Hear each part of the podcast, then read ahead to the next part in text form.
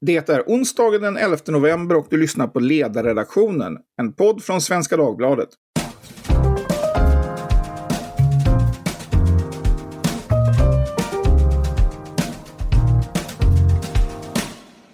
Jag heter Fredrik Johansson och idag kommer vi att prata om samtalsklimatet. Eller för att göra frågeställningen tydligare, den reella yttrandefriheten vid våra högskolor och universitet.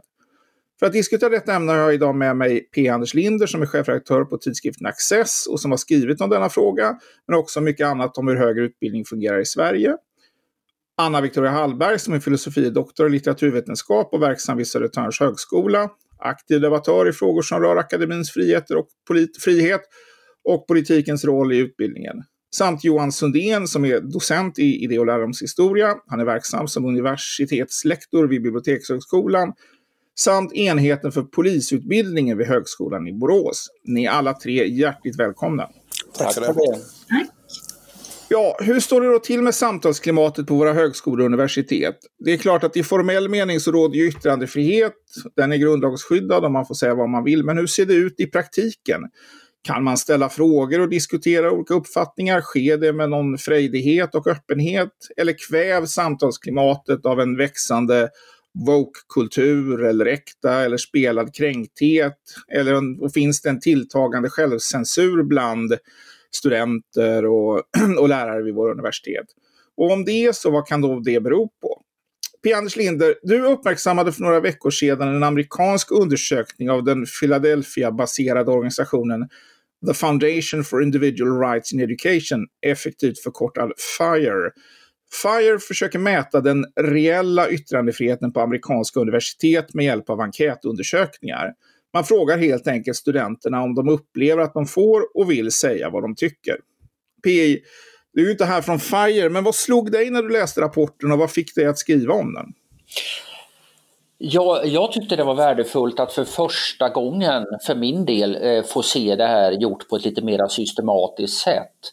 Eh, jag menar, medierna är ju fulla av anekdoter om eh, eh, otrevligheter i det samtalsklimatet, framförallt på amerikanska och brittiska universitet och hur folk kan få sparken för att de råkar säga något eh, oöverlagt eller bara bli missförstådda. Eh, och att eh, studenter försöker förhindra föreläsare, inte minst då externa gästföreläsare, att eh, säga sin mening och sådär. Men det är klart att man vet, det är så svårt att värdera. Ett, eh, det är ett jättestort land, det händer massor med saker hela tiden. Eh, hur systematiskt är detta? Hur eh, eh, hur representativa är de här historierna? Så det var det som jag, jag tyckte var så bra med den här mätningen, då, från undersökningen som FIRE har gjort ihop med eh, ja, Real Clear Education som ju är Real Clear Politics har väl många varit inne på nu i samband med presidentvalet och de har ju en del verksamhet som handlar om utbildning så de är också med och organiserar den här enkäten och det är ju inte alla USAs universitet men det är ändå 55 av de mera ledande universiteten. Det är ungefär 20 000 studenter som har fått svara på den här enkäten. Går man till FIREs hemsida så finns hela metodologin eh, noggrant eh, redogjord för. Så, så det var väl verkligen det som väckte mitt intresse att okej, okay, nu har någon faktiskt eh, eh, tagit reda på hur det förhåller sig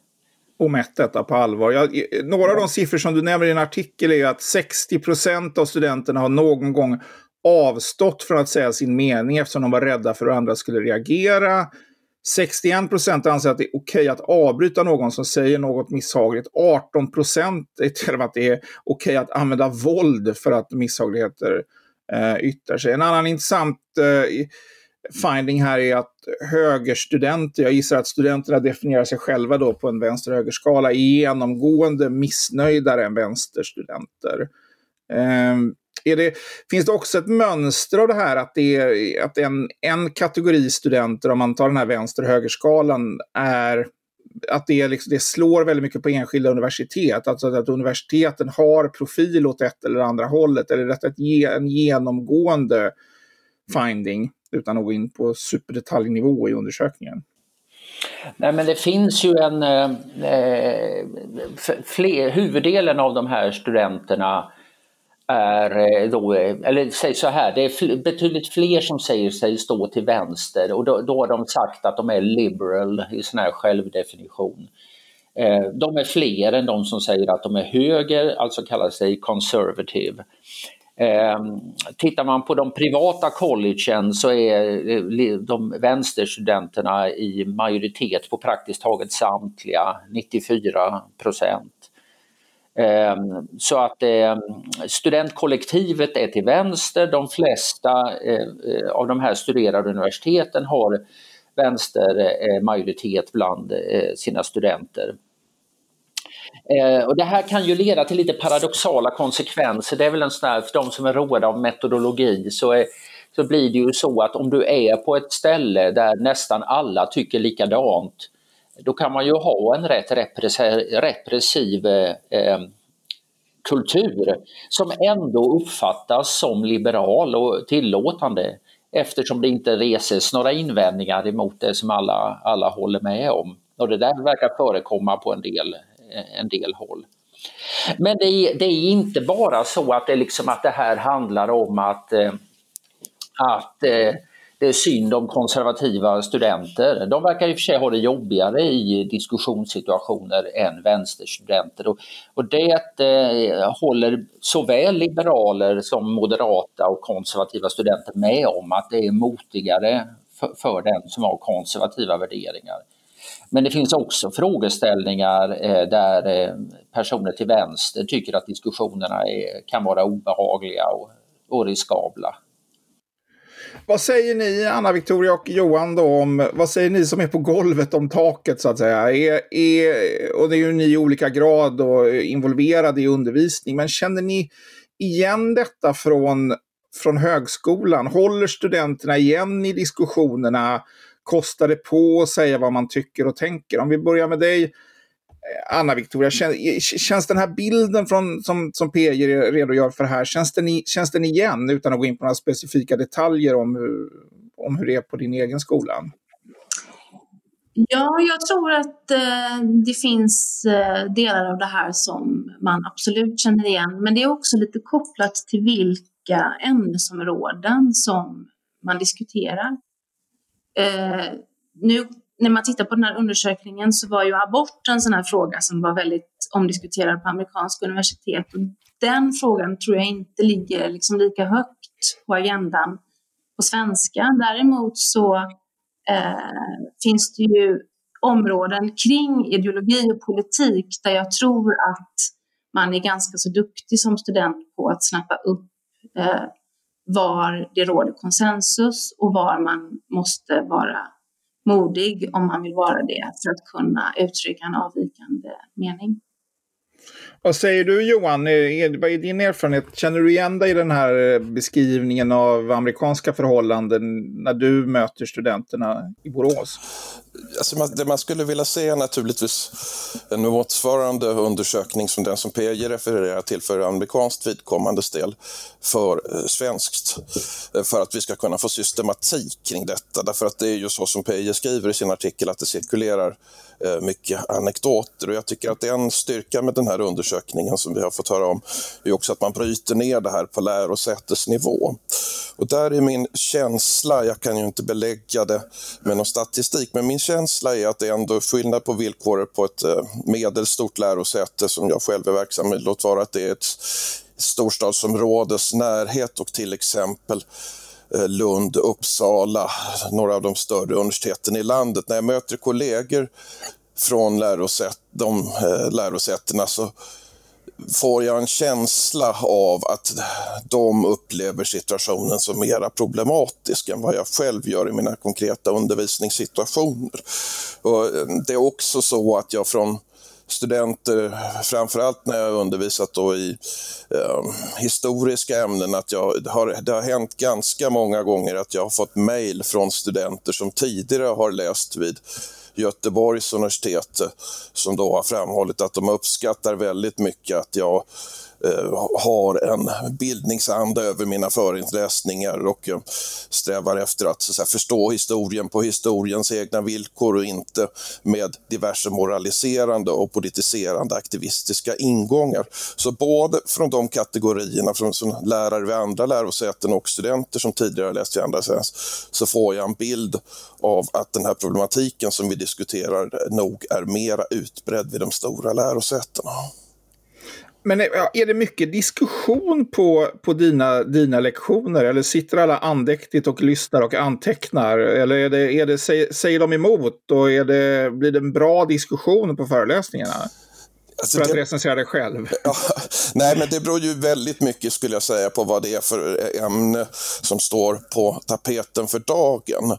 Um, generellt sett så upplever jag nog, uh, apropå det här med att jag är verksam med lite olika, minst sagt, miljöer då, jag undervisar både blivande bibliotekarier och blivande poliser, att det är en större diskussionsbenägenhet, och nu generaliserar jag, det måste jag ju göra, uh, bland, bland polisstudenter. Men sen tror jag att det här som PJ eh, säger, apropå din fråga om vi känner igen oss, att, att, det här, att alla tycker ungefär likadant, det skulle jag nog säga att där känner jag igen mig själv. Man kan komma att tänka på den här frågan som ställdes i svensk debatt för något år sedan. Måste man vara vänster för att vara verksam inom kulturen? Ibland kan man, har man lust att vilja ställa samma fråga för akademins vidkommande. Måste man vara vänster? Det finns någon slags underförstådd Eh, i alla fall inom humaniora och samhällsvetenskap skulle jag säga, förväntan på att man som forskare och eh, lärare ska vara vänster. Och det kan jag själv ge exempel på, på så sen när jag har bedrivit forskning då som har uppfattats som känslig, vilka reaktioner det har eh, väckt just mot bakgrund av att den förväntade bilden på forskarens politiska hemhörighet i betraktarens ögon eh, inte uppfylldes. Men Anna Victoria, vad har, om vi pratar om studenter här, vad, vad har... Det är också väldigt, vi pratar ju anekdotiskt och generaliserande här, eh, men eh, vad är studenternas förväntan på det här, eh, ja, det här momentet i, i utbildningen? Är, är en levande, givande och tagande diskussion, är det, är det en del av förväntansbilden när man är nyinskriven student nu för tiden? Jo, men det skulle jag ändå säga eh, att det är. Och sen är det också såklart så att det skiljer sig mellan vilken utbildning man går och eh, vilken typ av personlighet man har. Men det jag skulle vilja eh, återknyta lite till, apropå det som eh, Johan är inne lite på, det är ju det här att det finns en rad olika sorters konfliktytor inom akademin, alltså mellan olika studentgrupper och mellan studentgrupper och lärare. Och det finns konflikter mellan och inom kollegier och det finns strider mellan kollegier och det liksom som kallas linjen. Eh, det finns konflikter mellan ledningen och akademiska personalen. Alltså akademin som sådan är en bråkig plats. Eh, det är inte ett lugnt hav att segla ut på. Så det som jag snarare kan bli oroad över, det är ju när det blir för tyst. Mm. Det är när det blir för lite bråk, när det är för lite öppen diskussion och debatt. Så där känner jag nog snarare att eh, det finns anledning för oss som befinner oss inom akademin att eh, eh fundera. Varför vi är tysta, om vi är det, och i vilka frågor vi väljer att vara tysta i. Ja, och det gäller inte bara student varför studenterna eventuellt är tysta på föreläsningen, utan det finns en, det finns en risk för en tystnadskultur som är betydligt större än det mm. som sker i själva utbildningen. Vad är din reflektion av, av det här PJ när du lyssnar på, på Anna Victoria och Johan? Är det, här, eh, är det här ett väldigt amerikanskt fenomen eller eh, är det någonting som ändå har koppling och bäring på hur det fungerar på svenska universitet och högskolor? Nej, men man brukar ju säga att all, alla dumheter som uppstår i USA kommer förr eller senare till, eh, till Sverige. Eh, min eh, högst ovetenskapliga intryck är att vi inte alls befinner oss i en amerikansk eh, situation ännu. Eh, men jag tycker det är mycket värt att hålla ögonen på detta. Och, och det här handlar ju inte heller bara om, och det, det, det tycker jag är en annan viktig poäng, ett bra diskussionsklimat på högskolan handlar inte bara om hur studenter uppför sig eller beter sig utan det handlar ju om en helhet. Om, eh, I de eh, rätt uppmärksammade fall som har varit på senare år, eh, det handlar ju mycket om det är lärare, universitetslärare som har kommit i kläm.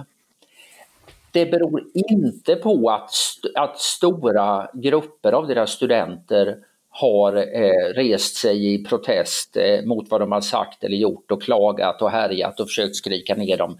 Utan det handlar nästan hela tiden om ett mycket litet antal mycket ideologiserade eh, studenter som har beklagat sig, gått till den administrativa ledningen och den administrativa ledningen verkar kännetecknas av att den aldrig backar upp sina medarbetare utan alltid räddhågset ger de här studenterna rätt. Och att det finns speciella liksom, eh, kommissarier under olika titlar på universiteten som ska hålla ordning i leden och sköta värdegrunden och så här. Så jag tycker, mitt intryck är lite grann att problemet i Sverige är, eller min gissning är att problemet i Sverige är ett annat. Och det är att någon sorts eh, samspel mellan eh, en liten grupp eh, ideologiserade studenter Eh, och en stor grupp ängsliga och opportunistiska byråkrater på universiteten som gör livet surt för lärare och forskare. Det är min hypotes, men jag skulle hemskt gärna se en undersökning för att bekräfta det. Ja, om vi fortsätter den här anekdotiska diskussionen då.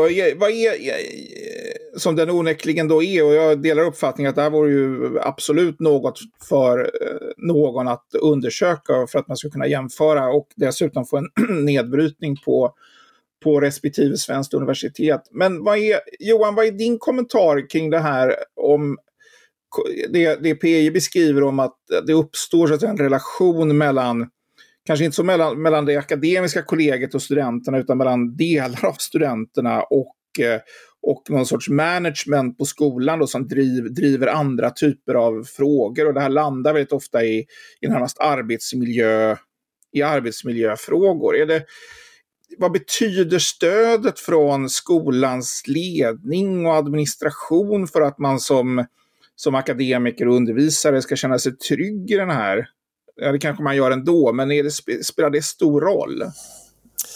Alltså den situationen som PJ beskriver, eh, det, det, har vi ju ett antal konkreta uttryck för.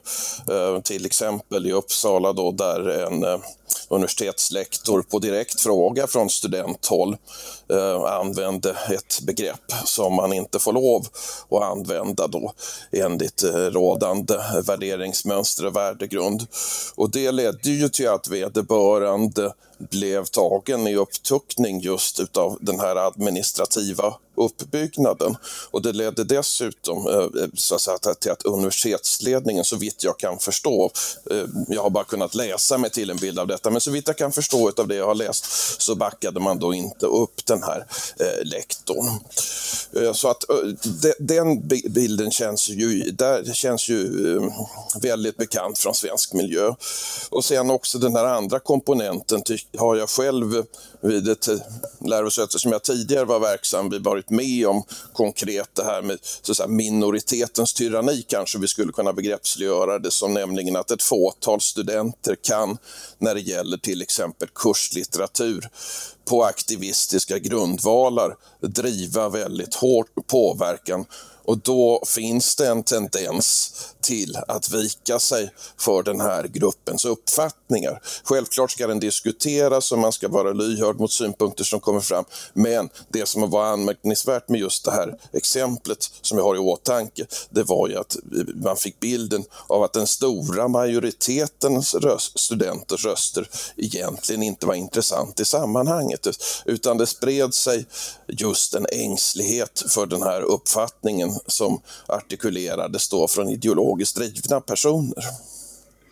Vad säger du Anna Victoria, finns, finns det här fenomenet också enligt din uppfattning mellan aktivistiska studenter och en, alltså säga, en, en mer teknokratisk eller administrativ överbyggnad i, eh, i universitetssystemet som då kanske ja, som inte har så mycket att göra med det akademiska kollegiet utan att vi har, en, vi har byggt in andra system och andra funktioner i, i, i högskolorna som, som då responderar på den här typen av aktiviteter. Ja, det finns en ny form av anmälningskultur på svenska universitet som från, från mitt perspektiv i alla fall är relativt ny och där studenternas eh, omdömen och uppfattningar väger mycket tungt, kanske då tyngre än lärarna och forskarnas. Eh, och studenter är ju eh, en slags maktfaktor på många sätt idag på svenska universitet. Eh, man utvärderas som lärare, studenter kan gå till olika typer av instanser och klaga eh, på eh, formerna för undervisningen. Ehm, och det kan då i, i, olyckliga fall skapa den här osäkerheten hos eh, lite mer osäkra och oroliga ledningsfunktioner. Ja, det är intressant att det är ju, gissar jag, tämligen, som du, som du beskriver, ett tämligen färskt eh, fenomen. Har du någon Ja, det var, det var lite grann du som spelade in det PJ, men har du någon ytterligare kommentar till det här spåret av att det, är en, det uppstår sådana nya konstellationer i, i universitetsvärlden som är kopplade till, till hur universiteten idag är organiserade? Ja, jag vet inte om det är några permanenta eh, konstellationer liksom, men, men det är klart att eh, vad som har hänt på universiteten i Sverige är ju att kollegialiteten som är den gamla eh, styrmodellen, alltså att eh, forskare och lärare har utövat mycket stort inflytande över verksamheten, att den har devalverats och att eh, management och byråkrater har blivit mera eh, framstående. Plus att man då emottar olika mer eller mindre politiska eh, direktiv ifrån regeringen. Man är, varje universitet är ju myndighet i Sverige och myndigheter ska ju göra vad regeringen säger åt dem. Så att, eh, och det där, alltså den här autonomireformen som eh, kom för tio år sedan någonting, eh, den var ju tänkt att ge universiteten ökat svängrum, men som någon påpekar att ja, universiteten får ökat svängrum, men det betyder inte detsamma som att medarbetarna, lärare, forskare, de som egentligen, och studenter som är det egentliga universitetet får större friheter. Jag tror också att det finns en, en väldigt mycket större varumärkesvånda i svenskt universitetsliv. Hade man för en, en galen professor som skrev konstiga saker i tidningarna så var liksom, ja, det var ju hans business. Nu skadar han universitetets varumärke och man blir eh, mycket bekymrad över detta. Eh, och man är rätt, eh, väldigt rädd för att bli eh, anmäld, som Anna Victoria är inne på, anklagad för, för det ena eller andra. Eh, i, i någon av de här mycket uppmärksammade historierna de senaste åren om en, om en lärare som blev anmäld av en enda student och sen uppläxad av eh, sina chefer. Då säger ju någon av de här cheferna att eh, i realiteten att så fort en student känner sig obekväm då måste vi utreda detta. Varje anmälan måste tas på allvar. Det där tror jag flera universitet har som policy numera. Och det gör ju en angiverikultur som är väldigt eh, eh osund och, och som går helt på tvärs med vad universiteten är till för. Um, en sak, får jag när jag nu ändå orerar här. Eh, ja, alltså eh, en viktig liten sak med den här eh, studien, eh, den amerikanska där vi började, Eh, tycker jag. Man kan ha, eh, som alltid när man mäter sånt här och man väger ihop index och liknande, så kan man ha, eh, det kan resas alla möjliga relevanta invändningar emot den. Men ett resultat som verkligen är solklart i denna, det är att vinnaren, universitetet med bäst diskussionsklimat, öppnast, mest eh, uppmuntrande, det är då University of Chicago eh, som är ett, eh, det är ett privat universitet vilket också är eh, eh, notabelt. Annars är de privata universiteten genomgående betydligt sämre än de publika eh, universiteten i, i det här avseendet. Men University of Chicago är privat och de har under rätt lång tid profilerat sig med att gå emot den här nedskriknings och angiverikulturen. Man antog för några år sedan till och med ett, ett dokument som kallas för The Chicago Statement där man eh, skriver att eh, eh, eh, en formulering till exempel är att eh, med hänsyn till artighet och ömsesidig respekt är viktigt men får aldrig användas för att rättfärdiga att man sätter stopp för diskussioner om idéer, hur stötande och otrevliga dessa idéer än kan te sig för vissa medlemmar i vår gemenskap. Alltså, det ska vara högt i tak, detta är en del av universitetets uppgift, det är också en del av universitetets profil. Eh, och eh, den där artikeln jag skrev som du refererade till, där, eh, där föreslog jag ju mitt eget gamla universitet, Lunds universitet, att de skulle nappa på detta och göra sig till Sveriges Chicago. Precis. Ja, ja, vi ska återkomma till, eh, till, Chicago, ja, eh, till Chicago, men jag tänkte på en sak du säger här rör ju då de amerikanska, de amerikanska universiteten. Och det som är intressant i den här undersökningen är ju att många av de absolut bästa amerikanska universiteten hamnar ju rätt illa till. Alltså University of Chicago är ju ett undantag, men om man tittar på de amerikanska så kallade Ivy League-universiteten så är det ju bara då Brown som hamnar på topp 10 och Harvard exempelvis på en 46 plats. Och då kan man ju säga att ja, men det här är ju eh, det här är väl ett tecken på att de här skolorna förr eller senare också kommer att eh, tappa i akademisk kvalitet och så vidare. Men en annan tolkning är ju kanske att det här inte spelar så... Det, det verkar inte spela, just ännu spela så stor roll för den akademiska, akademiska kvaliteten på de här skolorna. Detta är ju institutioner som i, i alla avseenden är väldigt akademiskt fram, framgångsrika. Har, eh, Johan, har du någon kommentar till det? Liksom, hur, hur, kan, hur kan många av de absolut bästa universiteten ha så tysta studenter? Ja, nej, det är en väldigt bra fråga som jag inte har något bra svar på. Alltså det, det jag kan tänka mig det är ju möjligtvis då att, att, um, att en orsak till att det förhåller sig så att många av de här universiteten hamnar långt ner när det gäller frihetsgraderna då att de skulle ha större förmåga att attrahera studenter som är just eh, väldigt ideologiskt drivna. Det kan vara mycket duktiga, kompetenta studenter, men de dras till den typen av elitmiljöer.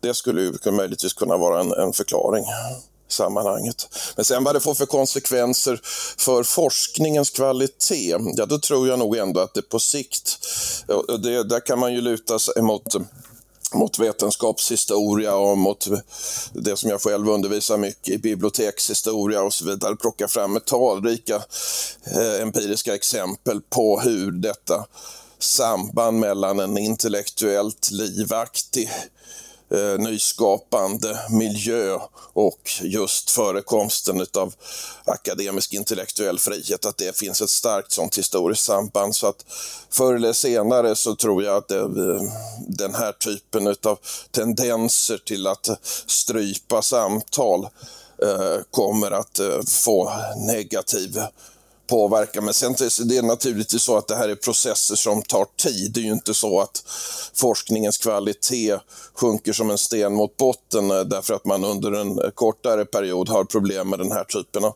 aktivistiska eh, mönster. Men om de sätter sig på universiteten, oavsett om det är i amerikansk eller i svensk miljö, då är jag helt övertygad om att det kommer att få negativa kvalitetskonsekvenser.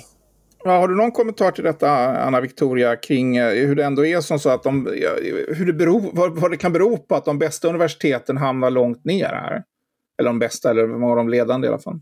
Nej, men jag instämmer i det Johan sa, precis. Men det kanske också är så att en ytterligare dimension till det här ideologiska spåret har att göra med Eh, det här fenomenet som en del amerikanska eh, akademiker och journalister och sådär varit inne på, nämligen att det finns en generation nu som har vuxit upp som har varit väldigt eh, eh skyddad och curlad och där eh, idéer som går på tvärs mot de ideal man har själv anses hotande då istället för att vara kanske kittlande eller intressanta och utforska vidare. Alltså att man lever mer och mer i miljöer av bubblor där det som är annorlunda, ifrågasättande tas som en slags eh, personlig kritik istället för att det ger upphov till en ny typ av samtal.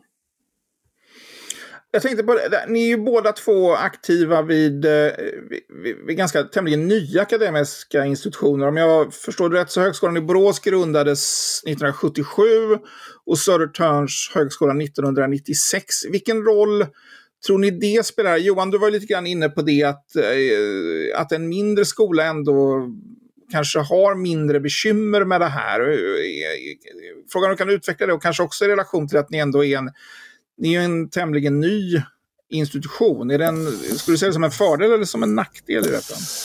Alltså jag tror att det är så här att det, eh, eh, som PJ säger, att alla dåliga amerikanska idéer kommer till Sverige förr eller senare.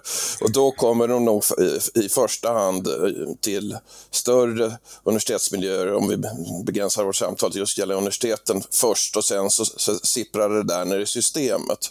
Så jag tror att det här med en, en relativ litenhet och att vara ett relativt nytt lärosäte tror jag på intet sätt är en garant för att eh, slippa detta. Sen hör det ju naturligtvis också samman med vad har ett lärosäte för, för utbildnings och forskningsprofil. Om vi håller oss till Borås exempel så har ju vi väldigt, väldigt mycket ut, yrkesutbildningar.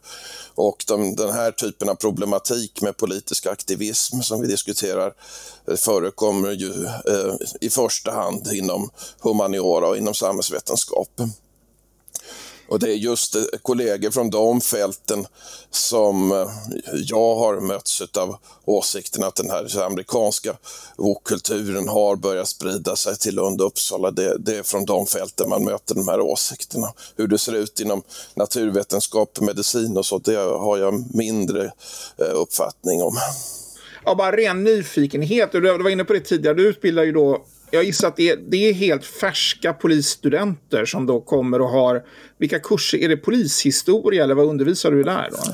Ja, jag undervisar i polishistoria, eh, politisk filosofi, eh, ämnen gränsande till, till det statsvetenskapliga området. Men sen håller jag också i uppsats och metodkursen. Och där, polisutbildningen är ju helt ny eh, här i Borås. Vi ger den för eh, nu fjärde terminen, så det är första kullen som sen ska gå ut i, på, till att göra sin aspirant, då ett halvår som avslutar deras utbildning. Så då, vi är tillsammans med just Södertörn, som Anna Victoria är verksam vid, ett av fem lärosäten som har den här utbildningen. Som är speciell på många sätt och vis, inte minst då därför att det är en beställningsutbildning, det vill säga att utbildningsplanen är lagd av Rikspolisstyrelsen. Men de studenterna, vi ska inte förlänga det för långt, men de studenterna är glada i att diskutera på dina kurser?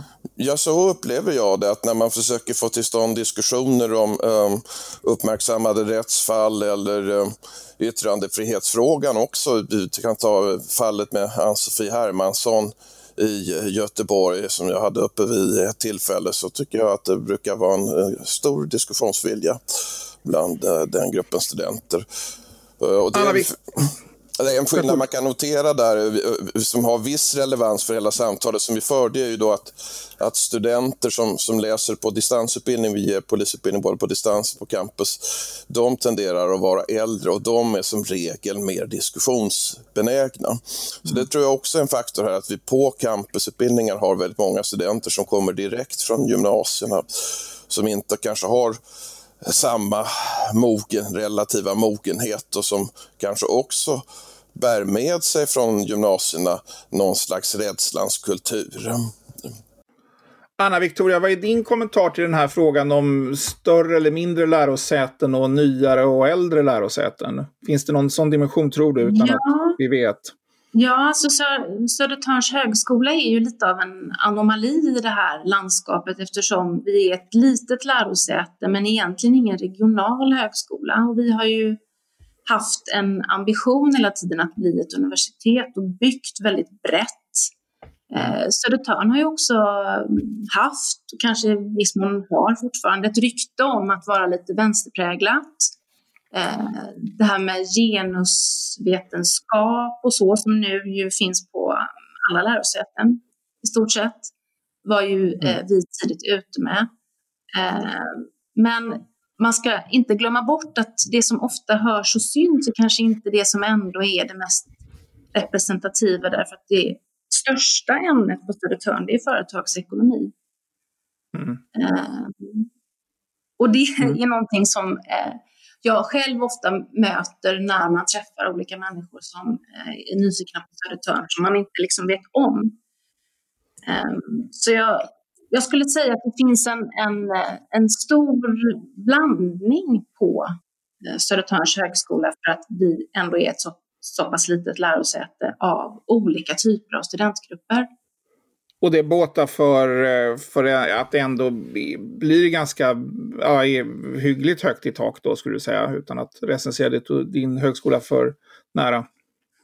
Ja, jag uppfattar att eh, problemen, eh, om det finns sådana, inte liksom handlar om det, utan det handlar nog mer om eh, mellan olika typer av ehm, intressen, så att säga. Alltså som har mer att göra med eh, kollegier och ehm, var beslut fattas, alltså institutionsnämnd. Den typen av, av maktstrider tycker jag att jag under mina år på Södertörn har sett mycket mer av än att det finns en um, högljudd studentgrupp som vill uh, protestera. Så det mm. ligger väl lite i linje då med vad som har sagts, att det är de stora lärosätena där det här särskilt är synligt. Om vi ska gå in på det här, P har redan pratat om den här Chicago, eh, om Chicago-universitetet och de har ju då eh, har ju då den här deklarationen kring, kring eh, yttrandefrihet på, på skolan. Där de, eh, vilket är rätt intressant, den finns ju också kopplad till PIs artikel, att det är ju ett arbete där man har haft en kommitté då, så vitt jag förstår, som har då gått igenom skolans tradition sedan man då startade 1902. Eh, och man eh, skriver i sina slutsatser, då, där man bland annat då refererar till en tidigare rektor som på 30-talet eh, försvarade att en studentorganisation bjöd in kommunistpartiets presidentkandidat att tala på campus. Och då skriver man citat As Robert M. Hutchins observed, without a vibrant commitment to free and open inquiry, a univers university ceases to be a university. The University of Chicago's long-standing commitment to this principle lies at the very core of our university's greatness. That is our inheritance and it's, it is our promise to the future. Slutcitat. Och du var ju inne på det lite grann PJ. Den här, det här är ju en profileringsfråga då uppenbart för Chicago-universitetet. Men flera andra universitet har ju då, jag vet inte hur det riktigt har fungerat, men de har anslutit sig till det här på något sätt. Och att det här ändå spelar roll bredare i, i, amerikansk, eh, i den amerikanska akademin än just för University of Chicago själva. Ja, alltså det är, ju, eh, det är ju så att ett antal av de här universiteten har ju bestämt sig för att, eh, ja som du säger, ansluta sig till Chicago Statement. Nu visar det sig att det är ju inte någon fullfjädrad garanti för att man omedelbart får ett bra diskussionsklimat. Och det är ju en viktig påminnelse om att det här vad man har skrivit på papper, det är nog mm. bra, men det viktiga är att odla en kultur eh, över tid eh, som eh, befrämjar de goda värden man vill se befrämjade. Eh, ett, det är ju naturligtvis bra att en universitetsledning eh, ansluter sig eh, Eh, till något sånt här dokument eller upprättar ett motsvarande för egen räkning. Men det måste ju finnas så att säga en eh, ja, en mer fundamentalt allvar bakom det där ställningstagandet så att inte bara det blir ännu en ny sorts godhetsposerande. Men det vore himla roligt och intressant att eh, om ett svenskt eh, lärosäte vågade göra något motsvarande. Eh, ja, man skulle kunna tänka sig att Lunds universitet skulle kunna gräva betydligt längre tillbaka än till 1902 för att eh, redogöra för sin historiska syn på, eh, på akademisk frihet och diskussion. Ja, man får väl också ha den realismen att inse att det var nog inte alltid så där vansinnigt högt i tak på universiteten förr i tiden. Så, så, var det, så var det säkert. Jag tror inte att ateister och, och liberaler hade några glada dagar i Lund på 1700-talet. Eh, men eh, eh, utan det är ju det här Humboldtska universitetsidealet som växer fram under 1800-talet med Lehrfreiheit och Lernfreiheit. Studenternas mm. möjlighet att välja ämnen och lärarnas möjlighet att välja vad de vill undervisa om. Det är ju det vi vill slå, makt, slå vakt om. Eh, och, eh, men, men, som sagt, jag är, det skulle vara väldigt roligt. Svenska universitet är ju i allmänhet eh, oerhört obenägna. De säger alltid att de vill profilera sig men aldrig på något sätt som verkligen är, är riskabelt eller spännande. Eh, utan, eh, utan att eh, däremot att ta ett, eh, ett riktigt statement i sitt konsistorium eller sin universitetsstyrelse säga vi ska vara ett ställe där det är högt i tak där det är argumentens kvalitet som gäller och inte vem som säger saker. Eh, det skulle vara otroligt värdefullt om någon gjorde det. Vad säger ni om det, ni som befinner er ute i den akademiska verkligheten? Skulle en, en sån här deklaration spela någon roll om, eh, om, det, om det är något svenskt universitet gjorde det? Eller är det som P lite grann inne på att det, det handlar om väldigt mycket om vad man gör snarare än vad man fäster på ett papper? Men om man om man gjorde detta på allvar från något, eh, från något svenskt universitet, skulle det, skulle det spela roll? Eller man kan också se det på, det, på, ett, på ett plan att, att det kanske inte är nödvändigt, utan det här redan sitter ändå hyggligt djupt i, eh, i, de svenska, i den svenska universitetskulturen. Om vi börjar med dig, Anna Victoria. Ja, jag mm, är lite kluven, därför att å ena sidan så tror jag att eh, en sån här, eh, ett sånt här statement skulle bli väldigt betydelsefullt om ett universitet eh, mycket tydligt hamnar i en situation när det här behövs.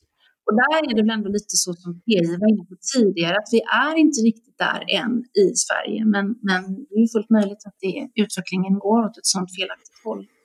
Eh, jag tycker också att det vore väldigt roligt och välkommet om universiteten blev lite mer eh, heterogena, alltså både vad gäller sina visioner och sina idéer om vad det är man ska göra, men också i sitt utbildningsutbud och, och så. Um, ja, så, så lite tveksam kanske, men Ja, vad säger Johan då? Är det Boråsdeklarationen här? Är det någonting att kämpa för? Ja, det vore någonting det. Va? Nej, nej, men allvarligt talat, alltså, generellt så tycker jag naturligtvis att man, man ska iaktta försiktighet när det gäller att uh, sätta en kråka under manifest av olika slag. Alltså, universitet och högskolor ska stå starka i sig själva utan att skriva på diverse deklarationer. Men i just det här fallet så kan jag säga att det finns skäl för det av två, skäl, uh, av två orsaker. Och det första är då att det här är ändå någonting som ligger i linje med universitetets själva idé. Så vi har en tendens i, i svensk universitetsvärld att fokusera till exempel mycket på hållbar utveckling, vilket för mig åtminstone inte alls har samma självklara koppling till vad som är universitetens egentliga uppgift som, som just detta, det vi diskuterar nu med det fria samtalet, eh, det goda samtalet. Och, och ehm, det andra skälet är ju att vi ändå har den här hotbilden och eh, även om vi nu tycks vara ganska överens om att vi inte har ett amerikanskt läge i Sverige så har vi ju ändå Eh, ett antal fall i Sverige som vi kan sätta namn på. Med Erik Ringmar nere i Lund till exempel eh, eh, med bråken kring kurslitteraturen som var där jag har nämnt fallet i Uppsala tidigare. Det finns flera som kan, så att också av det skälet. Sen tycker jag också att en sån här handling skulle ju kunna vara eh, väsentlig om den nu kommer från Södertörn eller Borås eller eh, kanske allra helst från något stort universitet så att det får lite eko. Skulle vara viktig på det sättet att det skulle eh, rikta sökarljus mot den stora frågan här, det som handlar om den akademiska friheten. Det är någonting vi diskuterar alldeles för lite. Mm.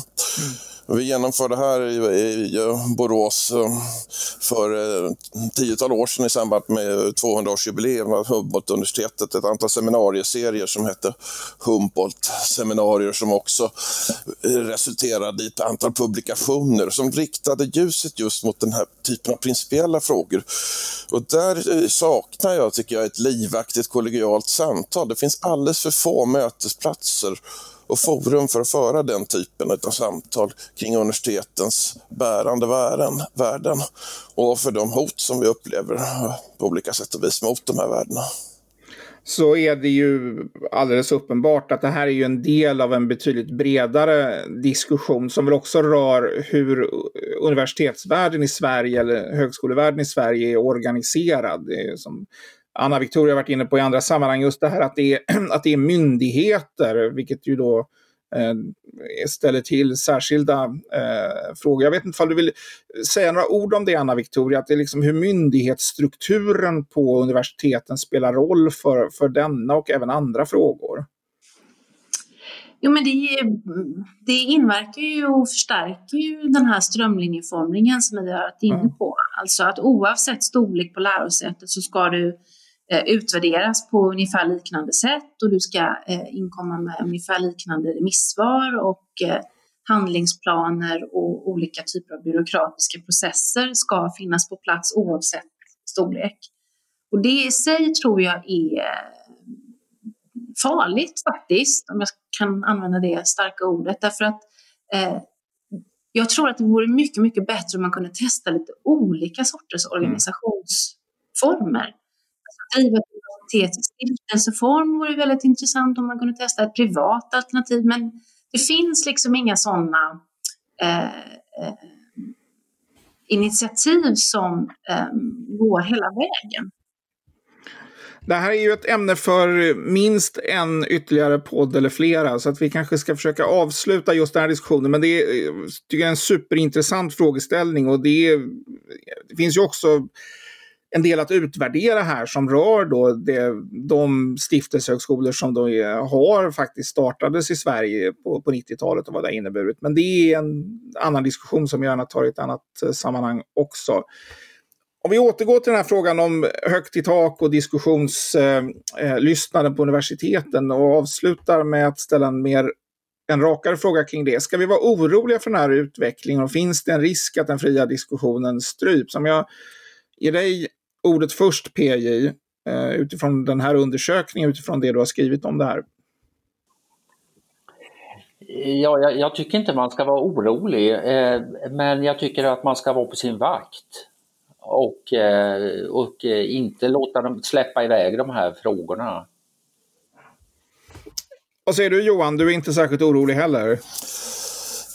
Jo, jag tycker man ska ta det här på stort allvar som jag sa, både för att mm, dels för att det amerikanska mönstret lätt fortplantar sig och också för att vi faktiskt i Sverige har haft, låt vara att de kanske inte är så jättemånga och kanske inte representativa för den yrkesvardag som, som jag och Anna Victoria lever i, men de är likväl sådana av den karaktären och att de här, representerar faktiskt hot mot den här eh, universitetsinstitutionen, denna så oerhört framgångsrika institution i västerlandets historia mot dess själva grundvalar.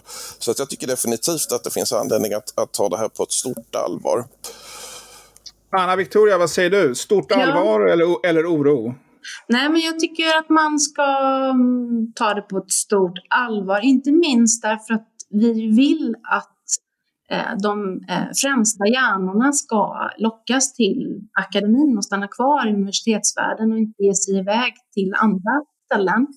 Mm. Och då tror jag att man, man måste ha den typen av miljö för att människor som vill arbeta intellektuellt också ska, eh, ska vilja vara kvar i det akademiska systemet. Så så jag måste bara tillägga, det finns ju Chalmers och Jönköping och Handels och sådär. Det finns ju stiftelsehögskolor, men jag menar i, i en mer bred mening och kanske också då vad gäller Humsam. Ja, absolut, jag, för, jag förstår det. Yes. Och det men, men det är en, jag, jag, tycker att det är en superintressant diskussion som jag gärna tycker att vi ska ha vid ett eh, annat, ja. annat tillfälle. Mm. Eh, Tusen tack för detta. Ni har lyssnat på Ledarredaktionen, en podd från Svenska Dagbladet. Vi har idag pratat om samtalsklimatet vid våra högskolor och universitet. Med mig har jag haft P. Anders Linder som är chefredaktör på tidskriften Access, Anna Victoria Hallberg som är filosofie-doktor i litteraturvetenskap, verksam vid Södertörns högskola, Johan Sundén som är docent i idé och lärdomshistoria och universitetslektor vid Bibliotekshögskolan samt enheten för polisutbildning vid Högskolan i Borås. Mitt namn är Fredrik Johansson och har ni synpunkter på dagens diskussion eller på något annat, tveka inte att höra av er till ledarsidan svd.se. Slutligen ett stort tack till dig som har lyssnat. Tackar!